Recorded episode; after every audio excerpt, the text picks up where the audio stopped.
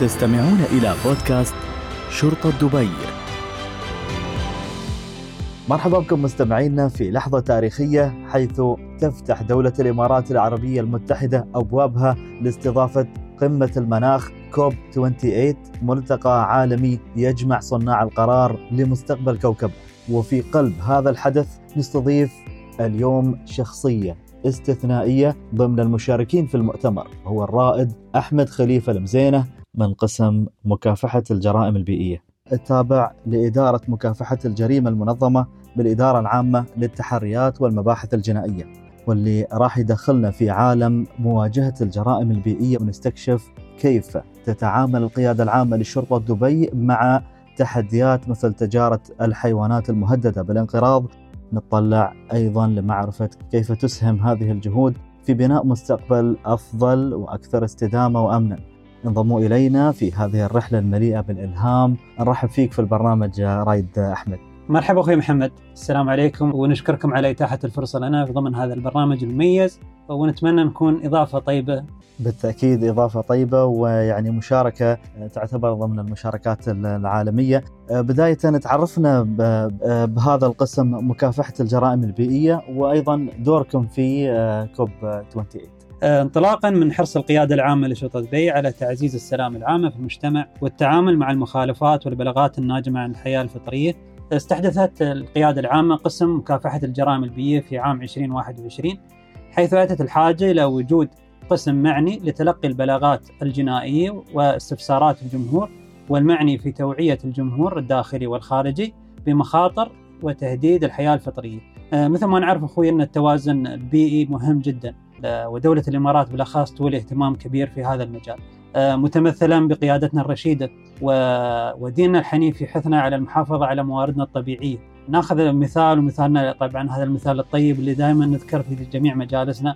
آه الله يرحمه الشيخ زايد بن سلطان الهيام. كان يحث وكان يحاول بكل الطرق للمحافظة على بيئة, بيئة الإمارات وزيادة الرقعة الخضراء في الدولة. الله يرحمه الشيخ زايد قدوة لنا وللعالم كامل. لكن قبل ما نتعمق بالحديث عن موضوع حلقتنا لليوم تخبرنا عن شغفك باختيار هذا القسم والعمل فيه. بداية شغفي في مكافحة الجرائم البيئية بدأ في تغيير سلوكي الخاص. فأي سلوك شخصي يتم تغييره يأثر عليك على المستوى الخاص وعلى مستوى العمل. ف بدأ معي مرحلة حب الشغف في موضوع مكافحة الجرائم البيئية من خلال الاطلاع على الحياة الفطرية على مستوى إمارة دبي وعلى دولة الإمارات بالأخص والاطلاع على أفضل الممارسات في مكافحة الجرائم البيئية. فبدأ معي كسلوك شخصي بديت أغير سلوكي في استخدام المواد لإعادة تدويرها من حيث الأدوات المستخدمة من الملابس من كذا كسلوكيات. وشفت إن قسم مكافحه الجرائم البيئية بيكون القسم اللي أقدر أنتج فيه وأقدر أحقق فيه الأشياء اللي تفيد دولة الإمارات واللي تفيد القيادة العامة لشرطة دبي.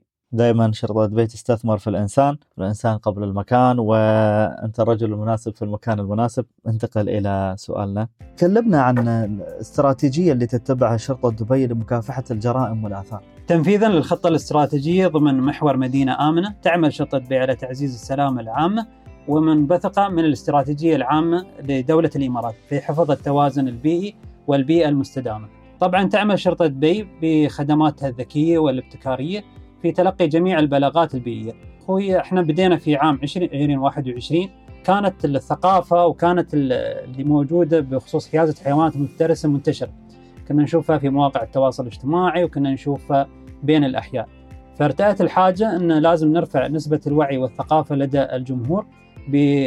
باتفاقية CITES اتفاقية CITES تعتبر اتفاقية دولية وقعت عليها دولة الإمارات العربية المتحدة تنص وتنظم عملية حيازة الحيوانات المفترسة أو المهددة بالانقراض بالإضافة إلى النباتات. فعملنا برامج وعملنا مبادرات ومشاريع من ضمنها توعية الجمهور بعدم حيازة الحيوانات المفترسة إلا في الأماكن المخصصة لها مثل ما نعرف السفاري والمحميات المعتمدة في الدولة. بالإضافة إلى منع وتهريب الحيوانات ضمن مخارج منافذ الدولة بالتعاون مع الشركاء. وعلى رأسهم جمارك دبي وزارة تغير المناخ والبيئة وبلدية دبي. طبعا شركائنا في عملية الضبط. إحنا دورنا أدوار مساندة لفرق العمل ونحن متعودين في إمارة دبي وفي دولة الإمارات أن نعمل كفريق عمل واحد.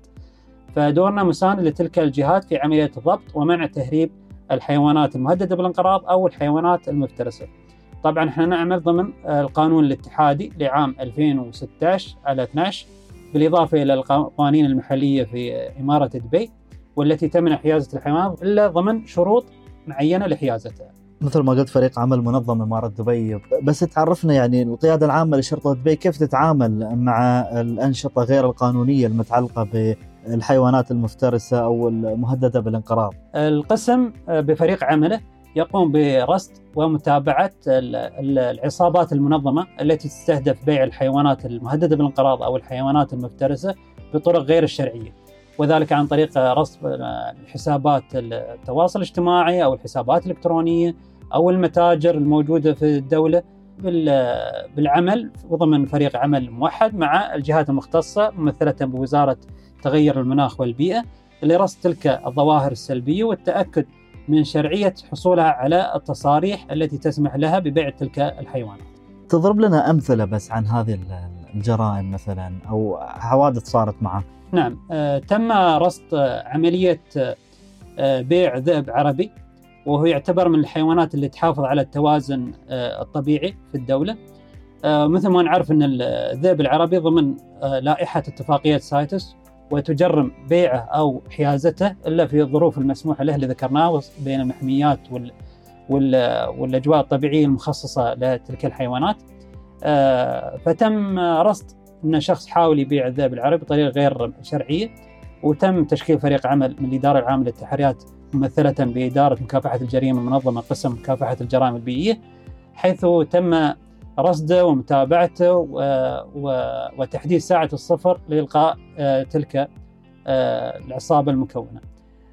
تم التعامل مع الضبطية وتحويلها إلى الجهة المعنية ممثلة بلدية دبي لاحتواء الحيوان والتعامل به لحين يتم إعادته إلى موطنه الأصلي أو احتوائه في المحميات الموجودة في الدولة.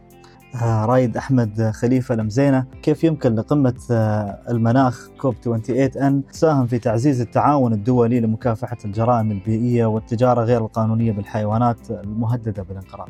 نعم أخوي استضافه الدولة لقمة المناخ تعتبر فرصة طيبة وجهود تكلت فيها فرق العمل فدورنا كالقيادة العامة لشرطة بي ممثلة بقسم مكافحة الجرائم البيئية ستكون لنا إن شاء الله جلسه حوارية ضمن قمة المناخ ستكون فيها محاور عدة نناقش فيها التشريعات والقوانين والمبادرات والمشاريع التي تطلع لها جميع الجهات لتكون مخرج وتوصية في أثناء قمة المناخ. من ضمنها بعض المبادرات البيئية ومن ضمنها حتى بعض المهام الدولية وبعضها بتكون فيها جانب تدريبي بالإضافة إلى تجفيف المصادر التي يتم تهريب منها الحيوانات المفترسة أو المهددة بالانقراض، طبعا هذه تكون ضمن تعاون دولي مشترك مع جهات انفاذ القانون والمنظمات الدولية. متأكد راح تطلعون بمخرجات كبيرة وأيضا تضيفون للحضور، لكن شو هي التحديات الرئيسية اللي تواجهها القيادة العامة لشرطة دبي في مجال مكافحة الجرائم البيئية وشو خططكم المستقبلية لمواجهتها؟ بدون تحديات لا تقدر الجهات انفاذ القانون بتطوير نفسها وبدون التحديات يصبح العمل هو الروتيني فتعودنا إحنا دائما في شطة بي أن نرصد التحديات ونقدر نوضع لها حلول مبتكرة وحلول بالإضافة ذكية. طبعا إحنا عندنا التحدي الأول أن مصادر تلك الحيوانات المفترسة والمهدده بالانقراض يتم تصديرها من من موطنها الأصلي. نظرا لعدم وجود قوانين تشريعات بعض الدول تعاني من سوء إدارة تلك الحيوانات أو المحميات ولا يتم رصدها أو مغادرة الدولة بطرق غير شرعية. فنعمل على تشكيل فرق عمل دولية لمكافحة تلك الجرائم البيئية من موطنها الأصلي وتجفيف مصادرها بالإضافة إلى تجديد إلى مداخل الدولة والعمل مع فرق العمل ممثلة بجمارك دبي ووزارة تغيير المناخ في رصد أي تحركات أو منظمات إجرامية. تستهدف بيع أو تهريب الحيوانات المهددة بالانقراض أو الحيوانات المفترسة. في شيء ثاني عندنا بخصوص التوعيه للجمهور نزيد تحدي عندنا أن الجمهور يفتقر إلى بعض المعلومات العامة بخصوص الحيوانات. يعني يمكن لو تسمح لي بهالمثال البسيط نعم. تفضل. يا أنا بلاغ أن يوجد نمر آه، يتجول في أحد المناطق السكنية في اماره دبي. طبعا أنت تعرف نمر ياخذ له صدى إعلام وياخذ تحرك كبير من فرق العمل. آه، لما انتقلنا ورحنا وجدنا أنه قط من قط السرفال. طبعا السنوريات هي أنواع النمور والقطط كلها تتبع في فصيله السنوريات. لكن المبلغ عنده سوء فهم إنه يفرق بين النمر وبين قط السرفال. فهذا التحدي إن الجمهور آه، لديه معلومات عامة وليس معلومات تخصصية. فنزيد من ناحيه من ناحية توعية الجمهور بأنواع الحيوانات ونفرق بين الحيوانات المهددة بالانقراض والحيوانات المفترسة. يمكن حيوان مهدد بالانقراض لكن هو غير مفترس، غير مضر مثلا أو غير عدائي للبشر. فها بعد تحدي لنا وحاليا في حملات ضمن خطة 2024 نستهدف فيها إلى توعية الجمهور بالإضافة إلى النشء إلى المدارس وطلاب المدارس والجامعات في تحديد أنواع الحيوانات وتفريق منها لتسهيل عملية البلاغ والتعامل به بكل آه، احترافية. مثل ما يقول سيدي صاحب السمو الشيخ محمد بن زايد آه، نحن يعني شعب لا مستحيل وأيضا أنتم قد هالتحديات وبالتأكيد راح تتغلبون عليها وهذا يعني آه، هذه شرطة دبي دائما بهالطريقه. كل هذا التنظيم الكبير اللي تحدثت عنه سيادة الرائد آه، يحتاج إلى تدريب وتأهيل الكوادر البشرية، فتحدثنا عن عن هذا الموضوع. نعم صحيح، التدريب يعتبر عنصر أساسي لدى عناصر الشرطة وبالأخص القيادة العامة لشرطة بي حيث توليها اهتمام كبير حيث تم إعداد حقيبة تدريبية متكاملة لقسم الجرائم البيئية والتي تساعد وتسهم في تأهيل الضبط الأمن في كيفية التعامل مع الجرائم البيئية وكيفية التعامل مع الحيوانات المفترسة. تعاون مع الجهات الداخلية بالإضافة إلى الدورات من ضمنها الإسعافات الأولية في حال تعرض أحدهم إلى إصابة. حول التعاون بين القيادة العامة لشرطة دبي والمنظمات الدولية لمكافحة هذه الجرائم. تكلمنا سيادة الرائد يعني بما أنكم يعني قسم يعني يعتبر حديث فتحدثنا حول هذا التنظيم للمستقبل. يعني. نعم في تعاون دولي مع جهات انفاذ القانون مثلا بالقيادات الشرطيه على مستوى العالم بالإضافة إلى المنظمات للحياة الفطرية والمنظمات للحياة البرية. آه، تترأسها طبعا منظمة اليو إن. آه، في تعامل في تبادل معلومات في تواصل مشترك في تدريب. في اجتماعات دورية في ورش عمل في مبادرات دائما آه، نكون معاهم آه، بالإضافة إلى القطاعات الخاصة في الدولة آه، نعمل دائما على استحداث وإعداد منظومة عملية تساعد الجمهور وحتى اللي الاشخاص متلقين البلاغ للوصول للمعلومه بالشكل الصحيح والتعامل معها بكل شكل ترافي. الرائد أحمد خليفة المزينه هذا سؤال الختام. كيف يمكن للمواطنين المساهمة في دعم جهود شرطة دبي في مكافحة الجرائم البيئية والآثار؟ الجمهور يعد عنصر أساسي. آه، مثل ما تعرف أخوي نحن في دولة آه، لله الحمد يعني نحظى أن الجمهور هو عين الشرطة نقدر نسميه. يقدر يقدم على أي بلاغ أو, أو ظواهر سلبية من خلال الخدمات الذكية اللي وفرتها القيادة العامة. من تطبيق شرطة دبي من الاتصال على 901 للحالات الغير طارئة. آه، بالإضافة إلى قنوات التواصل أو مراجعات إحدى مراكز الشرطة الذكية ممثلة في ال SPS. فالجمهور آه، عين الشرطة عنصر أساسي نوليه اهتمام كبير في التصدي والإبلاغ عن أي ظواهر سلبية يقدر يشوفها بالإضافة إلى الاستفسارات اللي يمكن يستفسر عنها. عن حيازة الحيوانات آه، شو الآلية المتبعة في إمارة دبي من قوانين وتشريعات.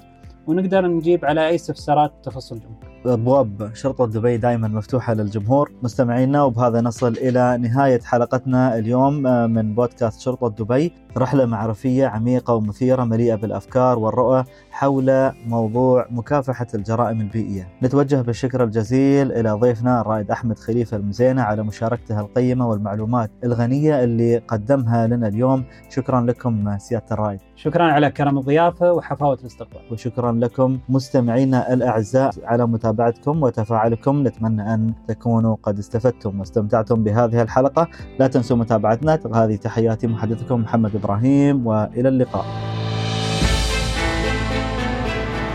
استمعتم إلى بودكاست شرطة دبي.